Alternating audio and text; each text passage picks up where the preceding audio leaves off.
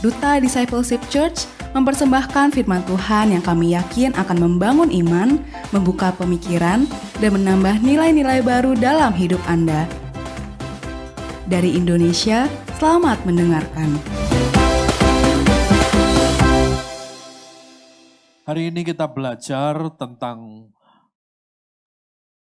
satu kebenaran firman Tuhan yang kita mengerti bahwa di dalam hidup setiap kita, kita akan menyadari kembali bahwa segala sesuatunya itu sudah diatur dan ditetapkan oleh Tuhan. Jadi, buat kita orang percaya, kita ini harus mengerti bahwa dari pihak Tuhan itu sudah ada garis yang ditetapkan dalam hidup kita. Ya, kalau saudara tidak senang dengan kata-kata takdir, ya saya akan pakai kata-kata kehendak Tuhan. Nah, kita harus mengerti bahwa di dalam Tuhan, kehendak Tuhan atas hidup setiap kita itu yang terbaik.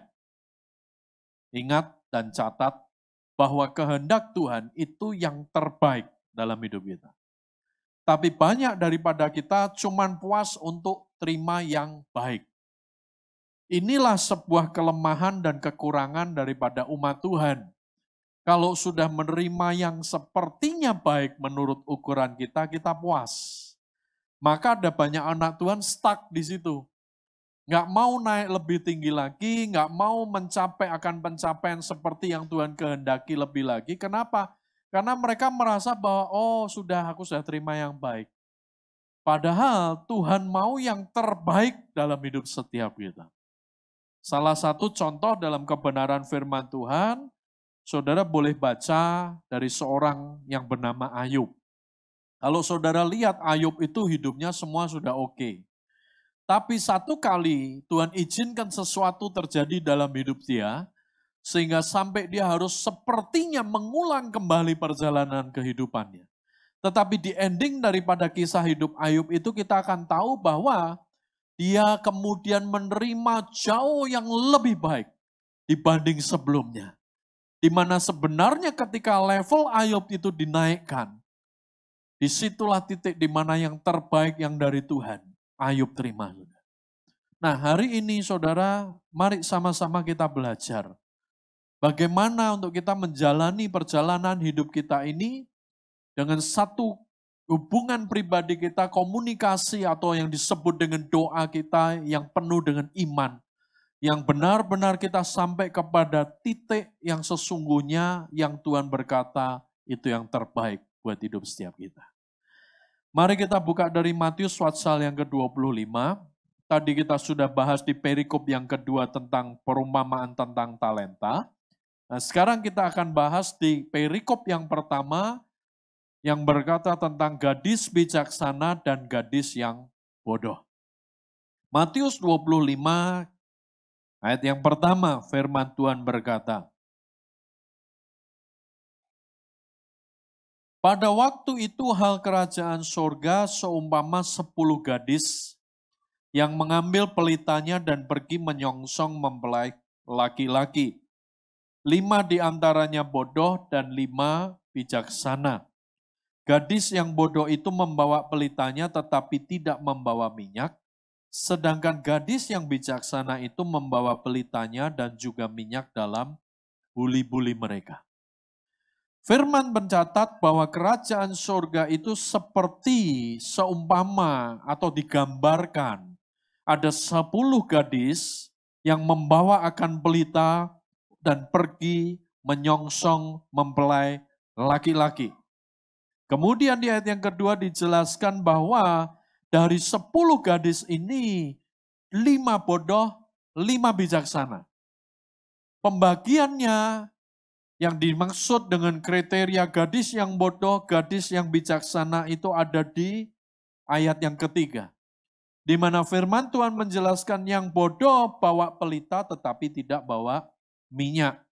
Lalu ayat yang keempat menjelaskan tentang gadis bijaksana yang disebut dengan gadis yang bijaksana itu karena membawa pelita dan juga minyak dalam buli-buli.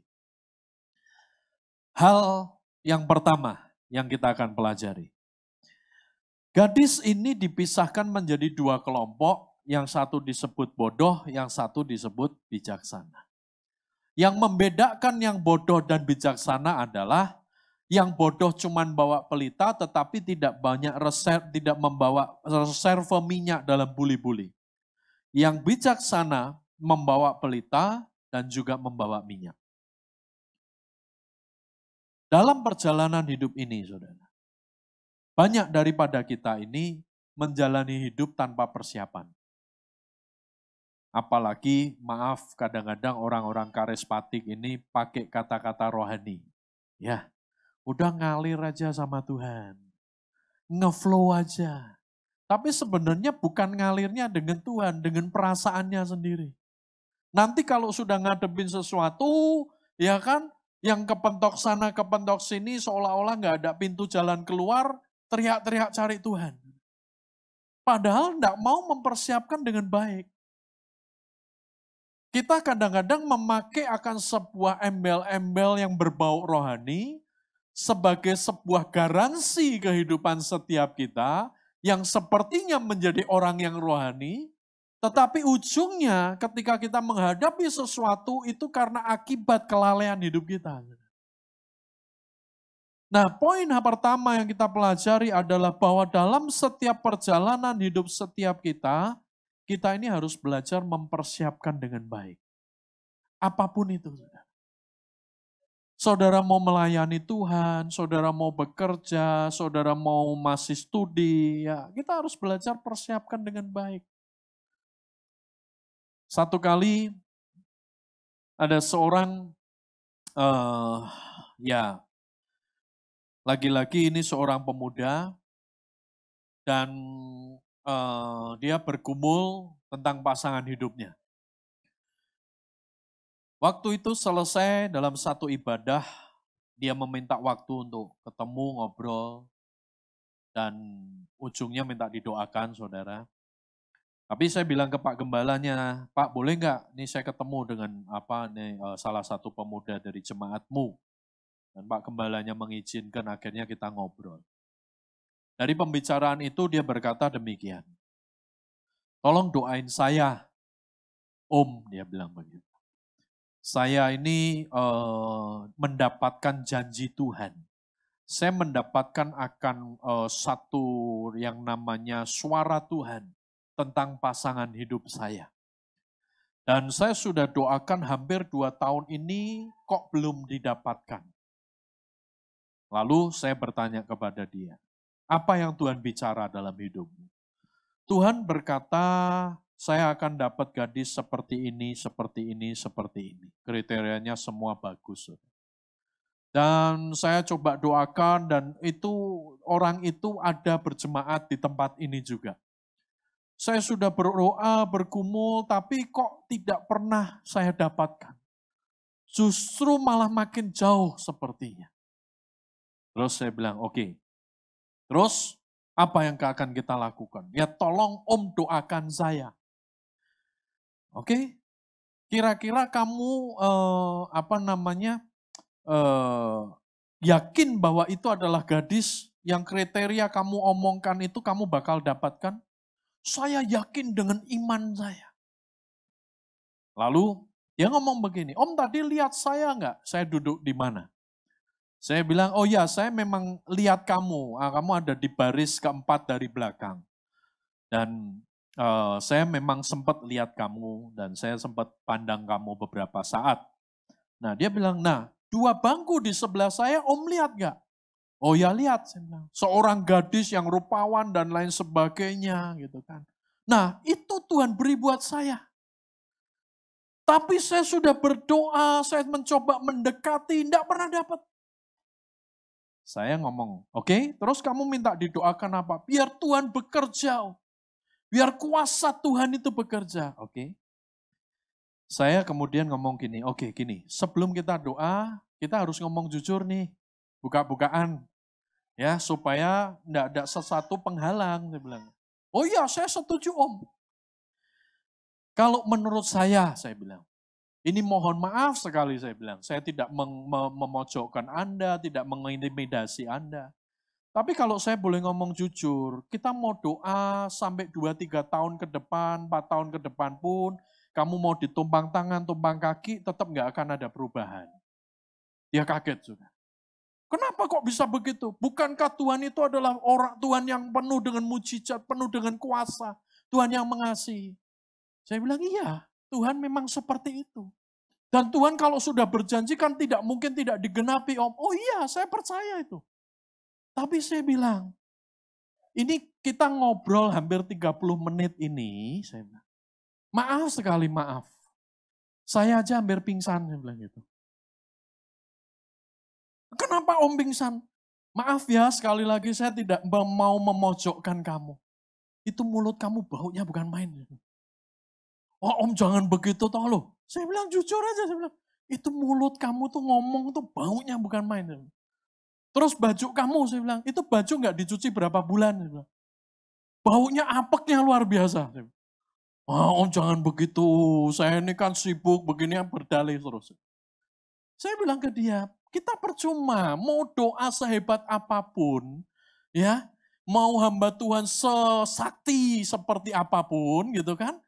Kalau kamu tidak mau merubah dan mempersiapkan hidupmu, tidak akan pernah terjadi janji itu. Maaf, kalau saya jadi gadisnya, ya kamu nggak usah ngomong Tuhan-Tuhan, saya pasti langsung tolak kok. Ya mana mungkin kan saudara. Seorang gadis rupawan, ya kan yang baik semua, mau dapat cowok yang nggak pernah sikat gigi. Ya kan? Baju nggak pernah dicuci. Kita nih kadang-kadang terlalu rohani dibanding Tuhan. Seolah-olah Tuhan itu harus ngikutin kita. Saya bilang enggak bisa. Ada bagian Tuhan, tapi ada bagian kita. Jangan konyol. Semua kita maunya instan. Enggak kerja apa-apa, tapi berkatnya segunung. Enggak akan pernah bisa. Harus ada usaha dari hidup setiap kita. Walaupun di balik usaha itu, kita harus menyertakan Tuhan dan membuat Tuhan nomor satu di atas segalanya. Satu kali ada seorang tahun 2016, eh, 17 masuk 18 sudah. 2017 akhir orang ini datang ngomong ke begini. Saya dapat janji Tuhan Pak, tahun depan toko saya lebih diberkati oleh Tuhan. Saya bilang, wah luar biasa. Ya, dan saya datang ke Bukit Doa Getsemani, saya berdoa, saya percaya Tuhan buka jalan yang makin luar biasa. Saya setuju Pak, saya dukung itu. Udah, kemudian masuk bulan Januari, Februari, Maret datang lagi dia. Waktu dia datang, dia ketemu saya, dia ngomong begini, Pak, Bapak ingat enggak? Kita pernah sharing bulan Desember yang lalu kalau Tuhan terima berikan janji dalam hidup saya. Saya bilang, iya, kan Bapak punya toko katanya mau makin diberkati Tuhan, saya bilang gitu. Iya, tapi ternyata Pak, sejak Januari itu omsetnya malah makin turun. Dia bilang. Bahkan April menjelang masuk April ini Gak ada keuntungan sama sekali dia bilang. Kok bisa begitu ya Pak? Dia bilang. Oh, saya bilang lah kan yang janji Tuhan kok tanya saya. Saya bilang. Terus dia bilang, ya tapi kan kita perlu Pak sharing, ngobrol supaya saya tahu. Lalu saya bilang, oke okay, sekarang coba ceritakan. Apa yang kamu jalani dari sejak Januari sampai bulan ini? Ya mulai cerita, saya ini makin sungguh-sungguh dengan Tuhan Pak persekutuan saya dengan Tuhan makin serius, saya makin mencari Tuhan dan lain sebagainya. Saya berdoa dengan sungguh-sungguh, saya membiasakan diri untuk mengalir dengan Tuhan dalam setiap doa, saya tidak mau batasi waktu. Saya pokoknya mempersilahkan Tuhan itu benar-benar berotoritas dalam diri saya. Saya bilang, wah luar biasa. Lalu saya bilang, lalu bagaimana dengan kehidupan pekerjaan? Ya saya Terus terang Pak, sejak bulan Januari itu karena saya yakin bahwa Tuhan menyertai saya. Tuhan beracara dalam hidup saya. Jadi saya selalu utamakan Tuhan. Setelah semua beres, baru kemudian saya uh, bekerja Pak. Nah saya mulai rada curiga saudara. Ini rada aneh. Ya, karena ya, bahasanya adalah terlalu rohani menurut saya. Terus saya nanya dia, caramu bekerja gimana? Kamu kan tadi bilang semua sudah beres, baru saya bekerja. Dengan kata lain baru buka toko dan lain sebagainya. Terus saya bilang, dia bilang begini, iya Pak, saya sejak Januari itu, kalau saya pagi bangun jam 4 pagi, jam 5 pagi, saya berdoa, saya renungkan firman. Nanti selesai itu kira-kira jam 8, setengah 9 selesai, saya ke toko, saya buka toko. Oke, saya bilang. Terus kemudian saya menanya lagi, kamu itu buka tokonya jam berapa harusnya? Ya pokoknya selesai dengan Tuhan, saya buka toko. Saya bilang sebentar, tunggu dulu. Yang sebelum bulan Januari ini kamu buka tokonya jam berapa? Karena kamu kan mulai ngalamin hal ini Januari, saya bilang. Sebelum Januari, berarti Desember dan sebelumnya seperti apa? Dia bilang, ya saya buka toko jam 8 pagi, tutup toko jam 7 malam. Oke. Nah terus sekarang kamu buka tokonya, ya setengah 9, jam 9. Kan, kan harus ngutamain Tuhan Pak. Saya bilang begini, maaf Pak ya, bahasa Anda itu terlalu rohani. Bahkan mungkin Bapak sepertinya lebih dari Tuhan. Saya bilang, saya percaya kalau Bapak buka tokonya sembarangan gitu, pasti kliennya pergi semua. Konsumennya pergi semua. Loh tapi kan Tuhan itu bisa bekerja dengan semua cara. Saya bilang, Tuhan itu bukan pribadi yang semau gue. Dia punya aturan. Saya bilang, ini saya nanya, jujur saya bilang, tolong dijawab. Benar nggak ada beberapa klienmu yang pergi ke toko lain? Dia ketawa, iya sih Pak. Beberapa klien saya menjadi pelanggan saya itu beberapa waktu kemarin telepon saya. Pak, karena Bapak ini sekarang buka tokonya makin nggak jelas. Ya Kadang jam 9, kadang setengah 10 gitu kan. Jadi kami ini nggak bisa ngikuti jam Bapak, lebih baik kami pergi ke tempat lain sekalipun harga lebih mahal. Tapi jamnya pasti dan kami bisa kirim barangnya lebih tepat. Kalau ambil di tempat Bapak, kacau semua. Memang harga lebih murah, tetapi kami tidak bisa tepat waktu. Nah saya bilang, nah itu sebenarnya hal yang paling sederhana yang kamu harus benahi. Jangan pakai bahasa-bahasa rohani yang seolah-olah kamu itu merasa lebih rohani, lebih hebat. Padahal dalam perjalanan hidupmu tidak seperti yang Tuhan kehendaki. Tapi jujur kata saudara, banyak anak Tuhan yang seperti ini. Sepertinya apa yang dilakukan itu sesuatu yang sangat amat rohani. Tapi di hadapan Tuhan, tidak rohani sama sekali. Bagaimana mungkin Tuhan berkati hidupmu? Ketika engkau tidak komitmen dan konsisten di hadapan Tuhan. Jangan pakai Tuhan sebagai alasan dan tameng. Saudara sebagai pelayan Tuhan di gereja di tempat ini. Ya, kalau sudah ditentukan jamnya, jam berapa datangnya harus komitmen datang. Jangan nanti tiba-tiba terlambat dan berkata ke Pak Andreas, maaf Pak Andreas, tadi di rumah ada lawatan Tuhan yang luar biasa. Saya bilang itu pembohongan yang tidak perlu saudara ungkapkan. Lebih baik saudara ngomong, maaf Pak, saya telat hari ini. Saya tidak konsisten, saya tidak komitmen. Selesai. Daripada memakai bahasa rohani yang sepertinya itu mengamankan dirimu Padahal Tuhan berkata, ya memang kamu mandinya telat, bangunnya telat. Tapi sering kali itu kita pakai. Nah nanti kita akan belajar apa yang jadi akibatnya kalau orang itu tidak mempersiapkan diri dengan baik. Poin pertama tadi saya berkata bahwa setiap kita, siapa pun, kita harus belajar mempersiapkan dengan baik apa pun itu. Walaupun sekali lagi, ketika kita mempersiapkan itu, utamakan Tuhan di atas segalanya. Yang artinya, tanya Tuhan apa jadi mau Tuhan, apa menjadi kerinduan Tuhan. Dan itu kita lakukan. Nah lebih lanjut saudara firman berkata, tetapi karena mempelai lama tidak datang juga mengantuklah mereka semua lalu tertidur. Waktu tengah malam terdengarlah suara orang berseru mempelai datang song-songlah dia. Di poin yang kedua ini, ini yang menjadi hal penting buat kita. Bahwa Baik yang bodoh maupun yang bijaksana, kalau saudara perhatikan, dua-dua ini ngalamin situasi yang sama. Di mana firman berkata, mempelainya nggak datang-datang, mengantuklah mereka semua.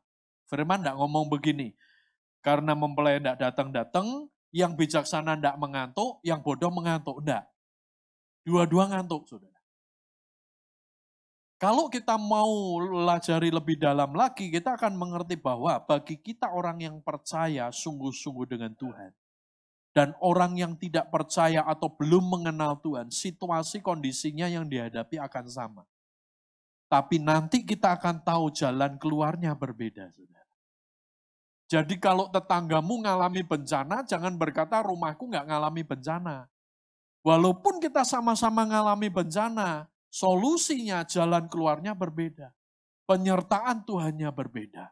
Karena kita punya Tuhan yang menjamin hidup setiap kita. Gadis yang bodoh, yang bijaksana ngalami yang sama. Dua-dua sama-sama ngantuk. Namun ketika seorang berkata, song-songlah dia, bangun dan song-songlah dia, mempelai datang. Ketika gadis itu semua bangun. Nah ini yang perlu kita sadari. Bahwa ketika semuanya bangun dari kondisi yang sama di mana mereka mengantuk ini. Yang bijaksana tidak mengalami kepanikan. Tapi yang bodoh mengalami kepanikan. Jadi hari ini saya mau berkata, apa pun yang akan terjadi atas bangsa ini, ketika semuanya itu akan kita sama-sama lewati, jangan pernah takut dan khawatir. Karena Tuhan ada dan menjamin hidup setiap kita. Dan dia sanggup melakukan sesuatu yang mengadakan pembedaan daripada orang yang tidak percaya. Bukan berarti kita ini dipisahkan dalam pengertian terus kemudian kita ini pergi ke tempat lain. Tapi dalam kondisi dan situasi yang sama, ada solusi yang berbeda yang Tuhan beri dalam hidup setiap kita. Kita tidak panik, tidak khawatir. Kita akan tanggapi semua dengan sukacita dan damai sejahtera yang dari Tuhan. Setelah eh, setelah gadis itu bangun, gadis yang bodoh ini berkata kepada gadis yang bijaksana, Berikanlah kami sedikit dari minyakmu itu sebab pelita kami hampir padam. Catat kalimat yang berkata pelita kami hampir padam. Jadi pelitanya belum padam. Gadis yang bodoh ngomong kepada yang bijaksana, kasih dong kami sedikit minyak, karena pelita kami hampir padam. Tapi kemudian yang bijaksana berkata, enggak, nanti tidak cukup buat kami dan buat kamu. Lebih baik kamu pergi ke penjual minyak dan beli di situ. Yang bijaksana enggak berkata demikian. Ya sudahlah kita bagi sedikit aja lah. Ini kita punya satu uh, apa namanya minyak dalam buli-buli, ya yang bodoh ini tidak punya minyak, oh, kasih sepertiga aja deh. Sebentar juga mempelainya datang kok. Ya, bagi aja deh sedikit. Ya, enggak masalah mereka toh juga belum mati pelitanya hampir padam. Jadi kalau dikasih sedikit aja masih bisa tolong kok. Yang bijaksana enggak berkata demikian. Yang bisa sana berkata enggak. Ini adalah bagian yang aku sudah persiapkan dan pertanggungjawabkan. Kamu harus mempertanggungjawabkan apa yang menjadi bagian yang menjadi bagianmu dan kamu harus lakukan. Di poin ini Bapak Ibu Saudara sekalian, saya mau pesan buat setiap kita jemaat Tuhan di tempat ini. Ketika kita bicara tentang kasih Tuhan, kasih itu tidak selamanya membelai. Ya, kasih itu tidak selamanya menina bubukkan kita. Tapi teguran, ya, sebuah uh, apa itu hajaran gitu itu juga bagian daripada kasih Tuhan dalam hidup kita. Jadi jangan terus kemudian kalau kita lagi ditegur gitu kan, ketika lagi diperingatkan terus kita berkata, oh Tuhan tidak mengasihi aku. Salah. Justru karena Tuhan mengasihi kita, maka dia mau menyempurnakan hidup setiap kita. Dengan cara apa pun yang dia mau, dia lakukan dalam hidup kita. Oleh karena itu, kita sebagai umat Tuhan, sebagai pelayan Tuhan, kita harus konsisten dengan kebenaran. Apa yang kita harus sampaikan, kita sampaikan. Apa yang harus kita bagikan, kita bagikan. Sekalipun itu membuat telinga kita merah untuk mendengarnya. Tetapi biarkan hati kita berubah. Satu kali saya ini diundang oleh salah satu gereja yang yang memang beberapa kali Tuhan beri kesempatan untuk saya sampaikan firman di situ. Tapi hari itu ada yang aneh yang ngundang ini bukanlah staf gerejanya yang biasa menjadwal, Pak Gembalanya sendiri yang telepon hari itu. Nah, waktu dia telepon, dia minta tanggal begini begitu, akhirnya kita uh, dapatkan tanggal yang disepakati. Setelah itu dia ngomong begini, saya uh, uh, sengaja telepon sendiri. Ya, dan sebelumnya memang saya tanya, Pak, kok tumben telepon Bapak sendiri, Bapak telepon sendiri?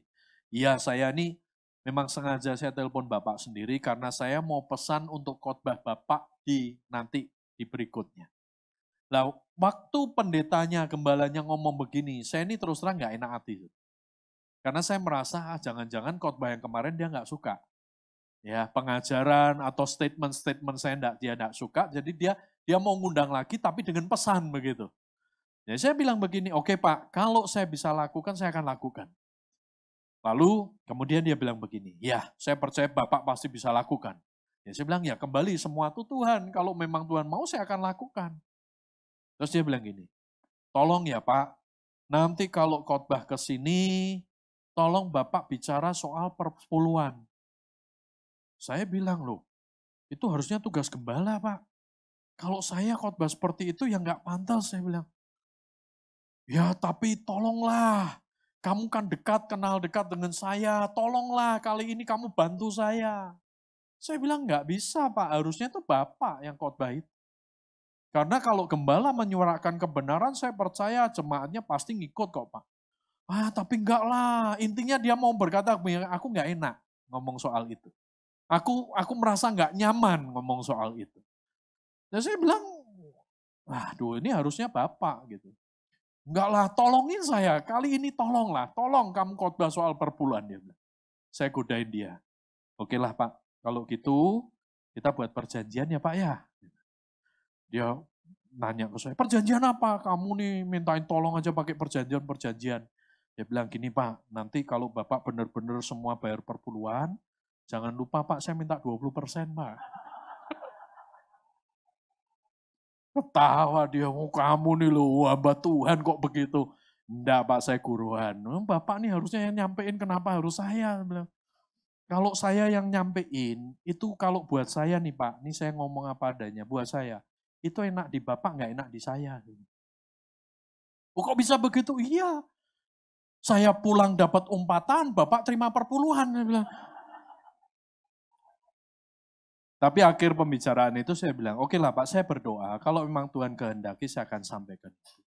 Walaupun sebenarnya itu kita tidak perlu diajari perpuluhan, Ya, kita hidup dalam anugerah Tuhan bukan cuma persepuluhan, lebih dari persepuluhan kita harus beri. Tapi ya sudahlah, Bapak minta itu saya akan doakan. Sampai tiba hari H, saudara, di mana malam itu saya sampai di kota itu, dan saya berdoa di tempat di mana saya tinggal, dan Tuhan dalam taruh dalam hati saya sampaikan apa yang menjadi gembala itu minta. Hari minggunya mau naik mimbar saudara, mau naik ke apa berkhotbah, saya masih doa. Saya tanya Tuhan, ini benar nggak ya ngomong soal perpuluhan? Dan kuat impresi dalam diri saya harus sampaikan itu. Ya sudah, saya sih ngaflo aja, saya bilang oke okay lah Tuhan mau sampaikan, saya sampaikan. Dan hari itu saudara, saya empat kali khotbah, firmannya sama tentang perpuluhan.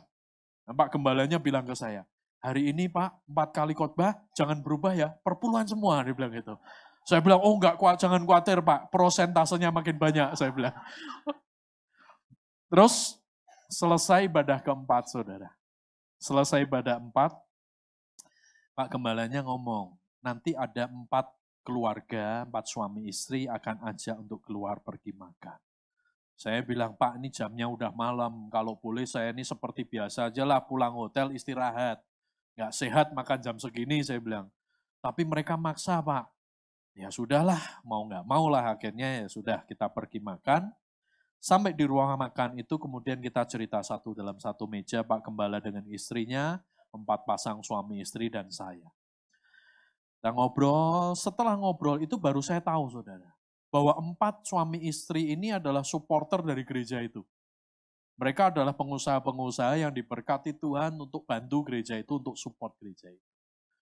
Dari semua pembicaraan itu, tibalah waktunya untuk salah satu daripada mereka menyampaikan apa yang mereka mau sampaikan. Mereka ngomong, salah satu orang nih ngomong begini, Pak, kami terima kasih untuk firman hari ini. Karena saya tahu mereka pengusaha dan support gereja itu, saya pikir jelek, saudara. Saat itu jujur saya mikir jelek. Saya pikir gini, ini pasti dia akan ngomong, terima kasih dan Bapak jangan datang lagi. Karena mungkin mereka tersinggung kan begitu saudara. Jadi hari itu saya di meja makan mendengar dia ngomong tuh pikiran saya jelek. Wah ini pasti ditolak. Ya mereka nggak suka gitu kan. Ya dikasih makan dulu biar seneng ya kan. Terakhirnya disembelih gitu kan saudara. Tapi saya pikir udahlah saya ngasah bodoh, saya nggak sampaikan firman di sini lagi juga enggak masalah gitu kan. Buat saya, saya belajar taat aja, saya nggak mau main perasaan saya, saya cuma sampaikan kebenaran firman Tuhan. Akhirnya dia ngomong begini. Jujur ngomong Pak, kami ini sudah menunggu firman yang seperti ini sekian waktu. Dan tidak pernah ada di gereja ini. Dan yang lebih membuat kami menyesal adalah, walaupun pada akhirnya kami senang karena ada pemberitaan kebenaran ini. Tapi yang buat kami nyesel, kami ini rindu Pak Gembala yang sampaikan ini.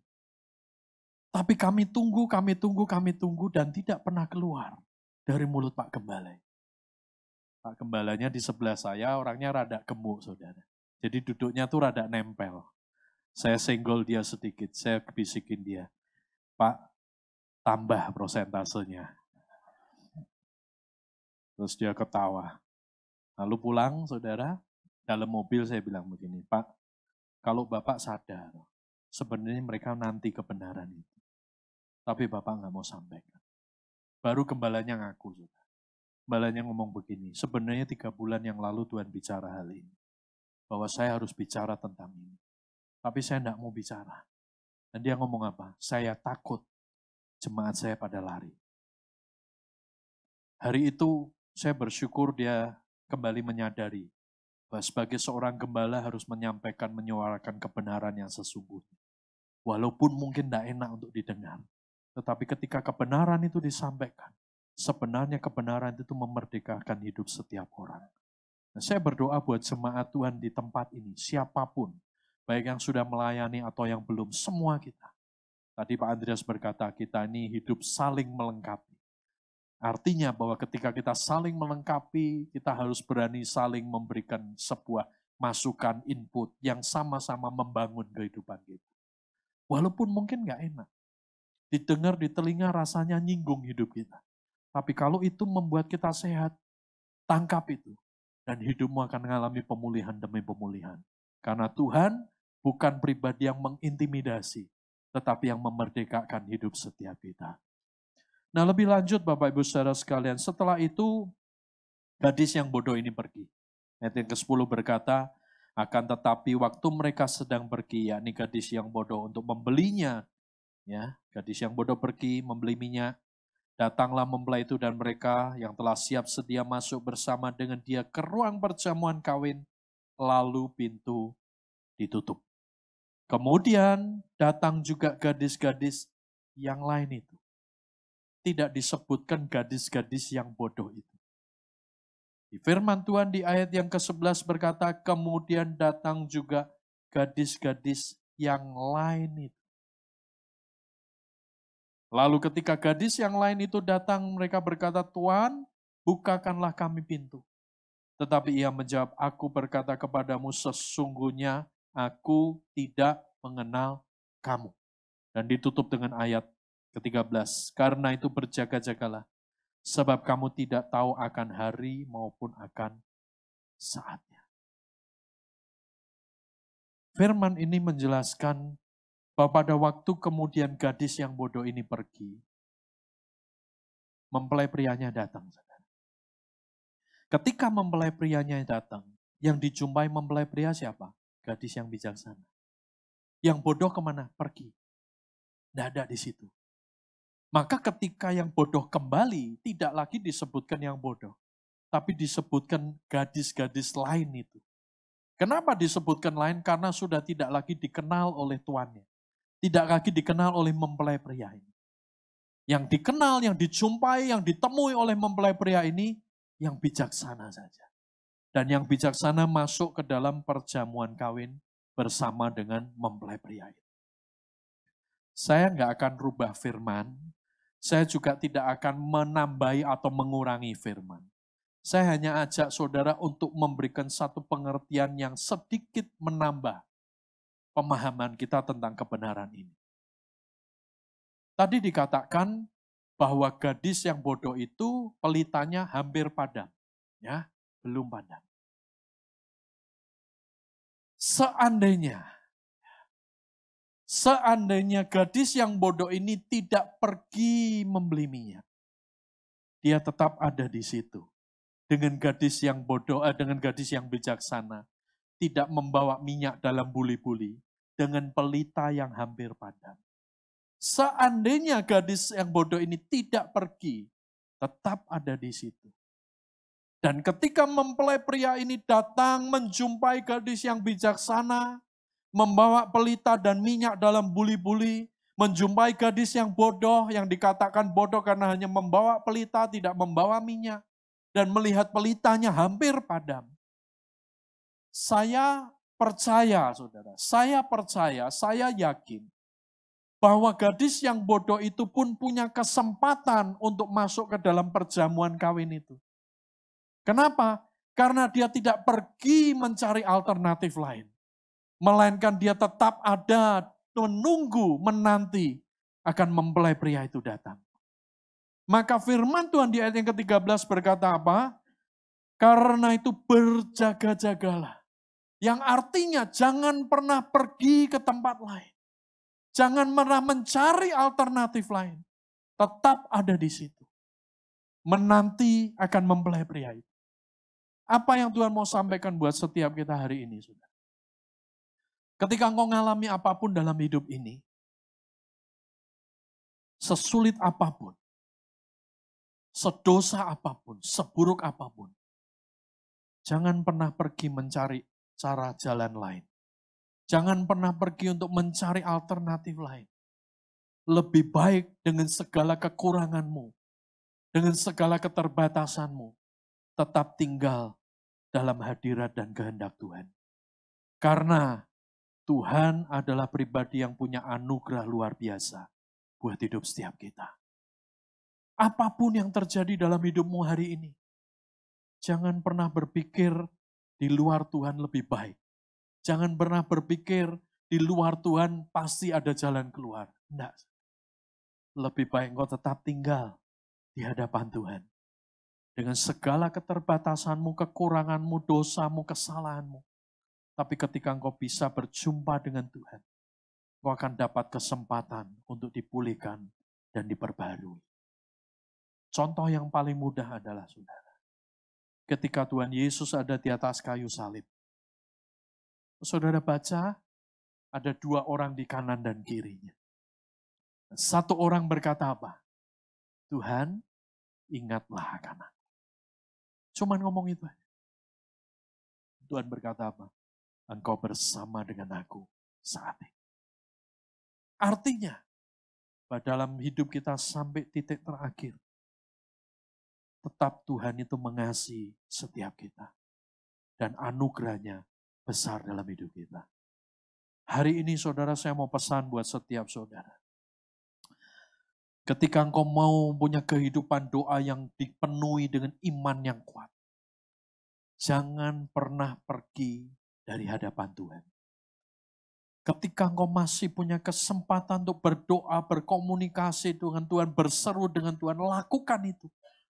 Sekalipun kau mungkin belum mendengar jawabannya, belum menerima jawabannya, tapi pada waktunya engkau akan tahu bahwa anugerah Tuhan itu yang akan memampukan hidupmu untuk terima yang terbaik yang daripada Tuhan. Jemaat Tuhan di tempat ini, saya pesan, jangan ada satupun yang terintimidasi dengan apa pun yang terjadi. Karena intimidasi itu datang bukan daripada Tuhan.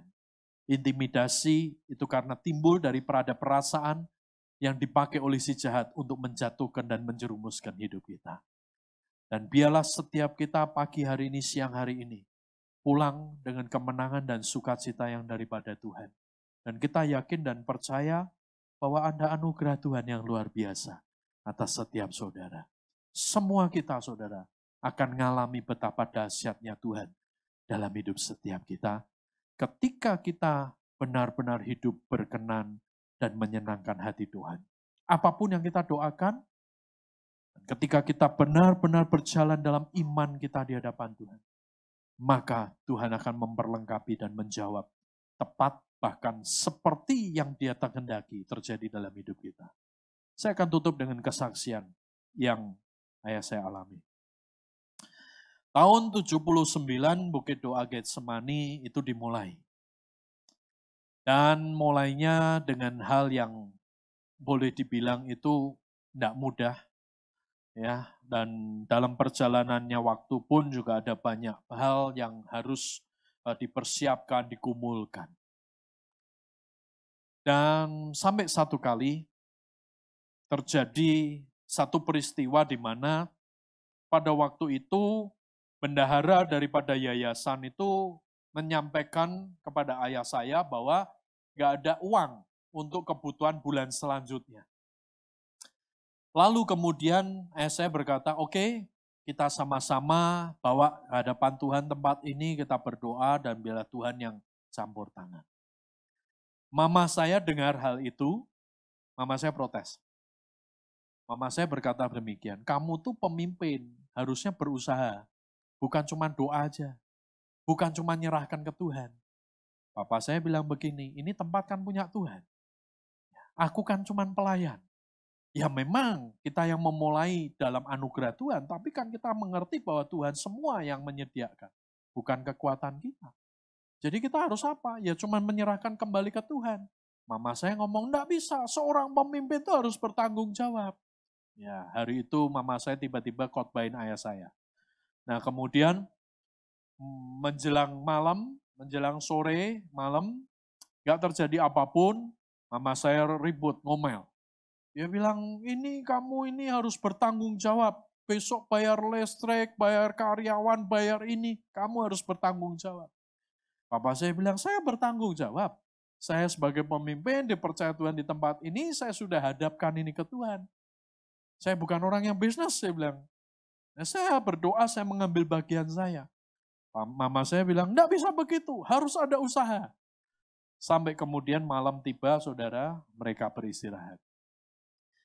Waktu mereka beristirahat, papa saya selesai doa tidur. Nah, jam 10, setengah 11 dia beristirahat, dia tidur dengan lelap. Mama saya nggak bisa tidur.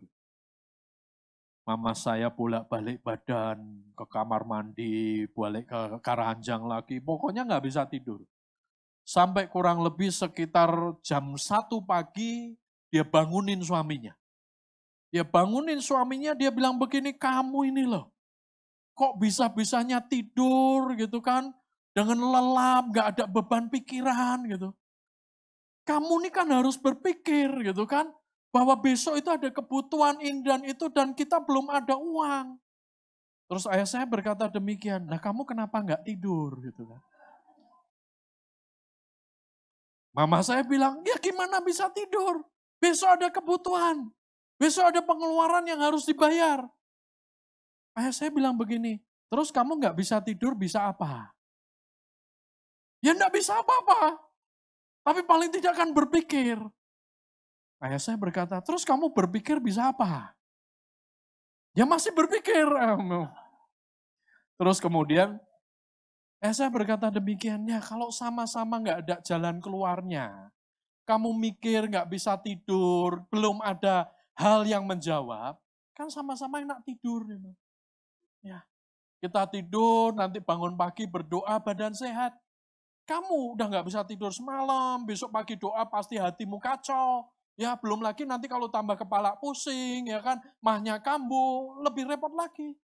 Jadi ayah saya berkata, yuk kita tidur, dia bilang gitu. Ibu saya berkata, enggak bisa, kamu nggak boleh tidur. Gitu kan. Enak aja aku sendiri yang nggak bisa tidur, kamu tidur gitu. Ya sudah akhirnya mereka ngomong-ngomong-ngomong sampai hampir jam 3 pagi saudara. Dan jam 3 pagi eh, saya lihat jam dia berkata, udahlah aku doa aja lah udah jam 3. Akhirnya dia doa, mama saya nggak bisa doa. Muter, muter, muter, muter terus, sampai kemudian hari itu jam 9 pagi mereka ada meeting pengurus. Dan kemudian mereka meeting, mereka rapat bersama, mereka doa bareng.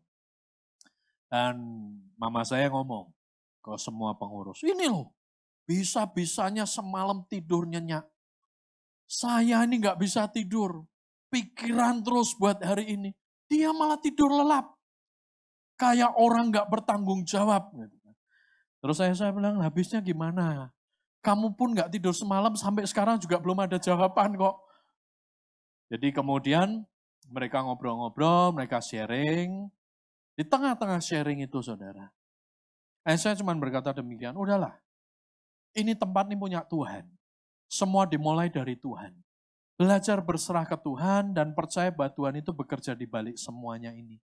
Sekalipun kita ini tidak bisa mengerti apa yang Tuhan sedang persiapkan. Tapi bagian kita, kita lakukan, serahkan ke Tuhan, dan bila Tuhan yang campur tangan di atasnya. Dan dia berkata, Tuhan itu adalah pribadi yang punya anugerah luar biasa buat kita. Dan kemudian di tengah-tengah meeting itu, petugas jaga dari tempat dari Getsemani itu cari ayah saya. Dia kemudian temuin di ruang meeting, yang jaga ngomong, Pak, itu ada uh, tamu, ada ibu-ibu datang cari bapak. Dan uh, bapak saya bilang, bisa nggak ditunda, kita baru meeting. Oh nggak bisa kayaknya pak, dia cuma sebentar terus mau lanjut pergi ke tempat lain. Lalu ayah saya uh, sempatkan diri untuk ketemu dengan ibu ini. Lalu kemudian ketemu, dan ibu ini ngomong begini, Pak Samuel ya? Iya. Pak, saya ini nggak kenal Bapak, saya nggak tahu Bapak. Saya baru pertama kali sampai ke Bukit Doa Getsemani, jadi dia rupanya kalau nggak salah waktu itu dia dari Jawa Timur. Dia ke Getsemani naik bis malam, ya sampai pagi subuh dia cari tempat itu beberapa orang ditanyain baru kurang lebih sekitar jam 9 itu ketemu tempat itu. Dan dia datang dia ngomong saya nggak ngerti pak apa yang sedang Bapak kumulkan dan terjadi di tempat ini. Cuman saya cuma dapat perintah Tuhan aja untuk saya ini membawa sesuatu buat tempat ini. Nah, terus kemudian barang itu bungkusan kantong plastik dikasih ke ayah saya. Ini Pak, tolong Bapak terima dan saya berdoa ini bisa dipakai buat tempat ini. Lalu ayah saya nanya, Ibu kok bisa terima mandat atau perintah Tuhan seperti ini itu kenapa? Saya kemarin malam berdoa, kurang lebih sekitar jam 9, jam 10 malam. Tiba-tiba ketika doa Tuhan bilang, kamu besok harus ke tempat yang namanya Bukit Doa Getsemani, ketemu hambaku yang namanya Samuel Elkana. Dan kamu harus bawa apa yang kamu siapkan selama ini. Persembahkan ke sana. Jadi jujur saya bilang, saya juga nggak tahu Pak. Saya baru tahu pagi ini dan berjumpa Bapak juga baru kali ini. Dan kemarin jam 10 malam itu Tuhan baru bicara dengan hidup saya. Saudara, jam 10 malam jam yang sama waktu di mana ayah saya sedang berdoa. Dan selesai berdoa menarik selimut untuk tidur lelap, saudara. Di sisi lain Tuhan sedang bekerja.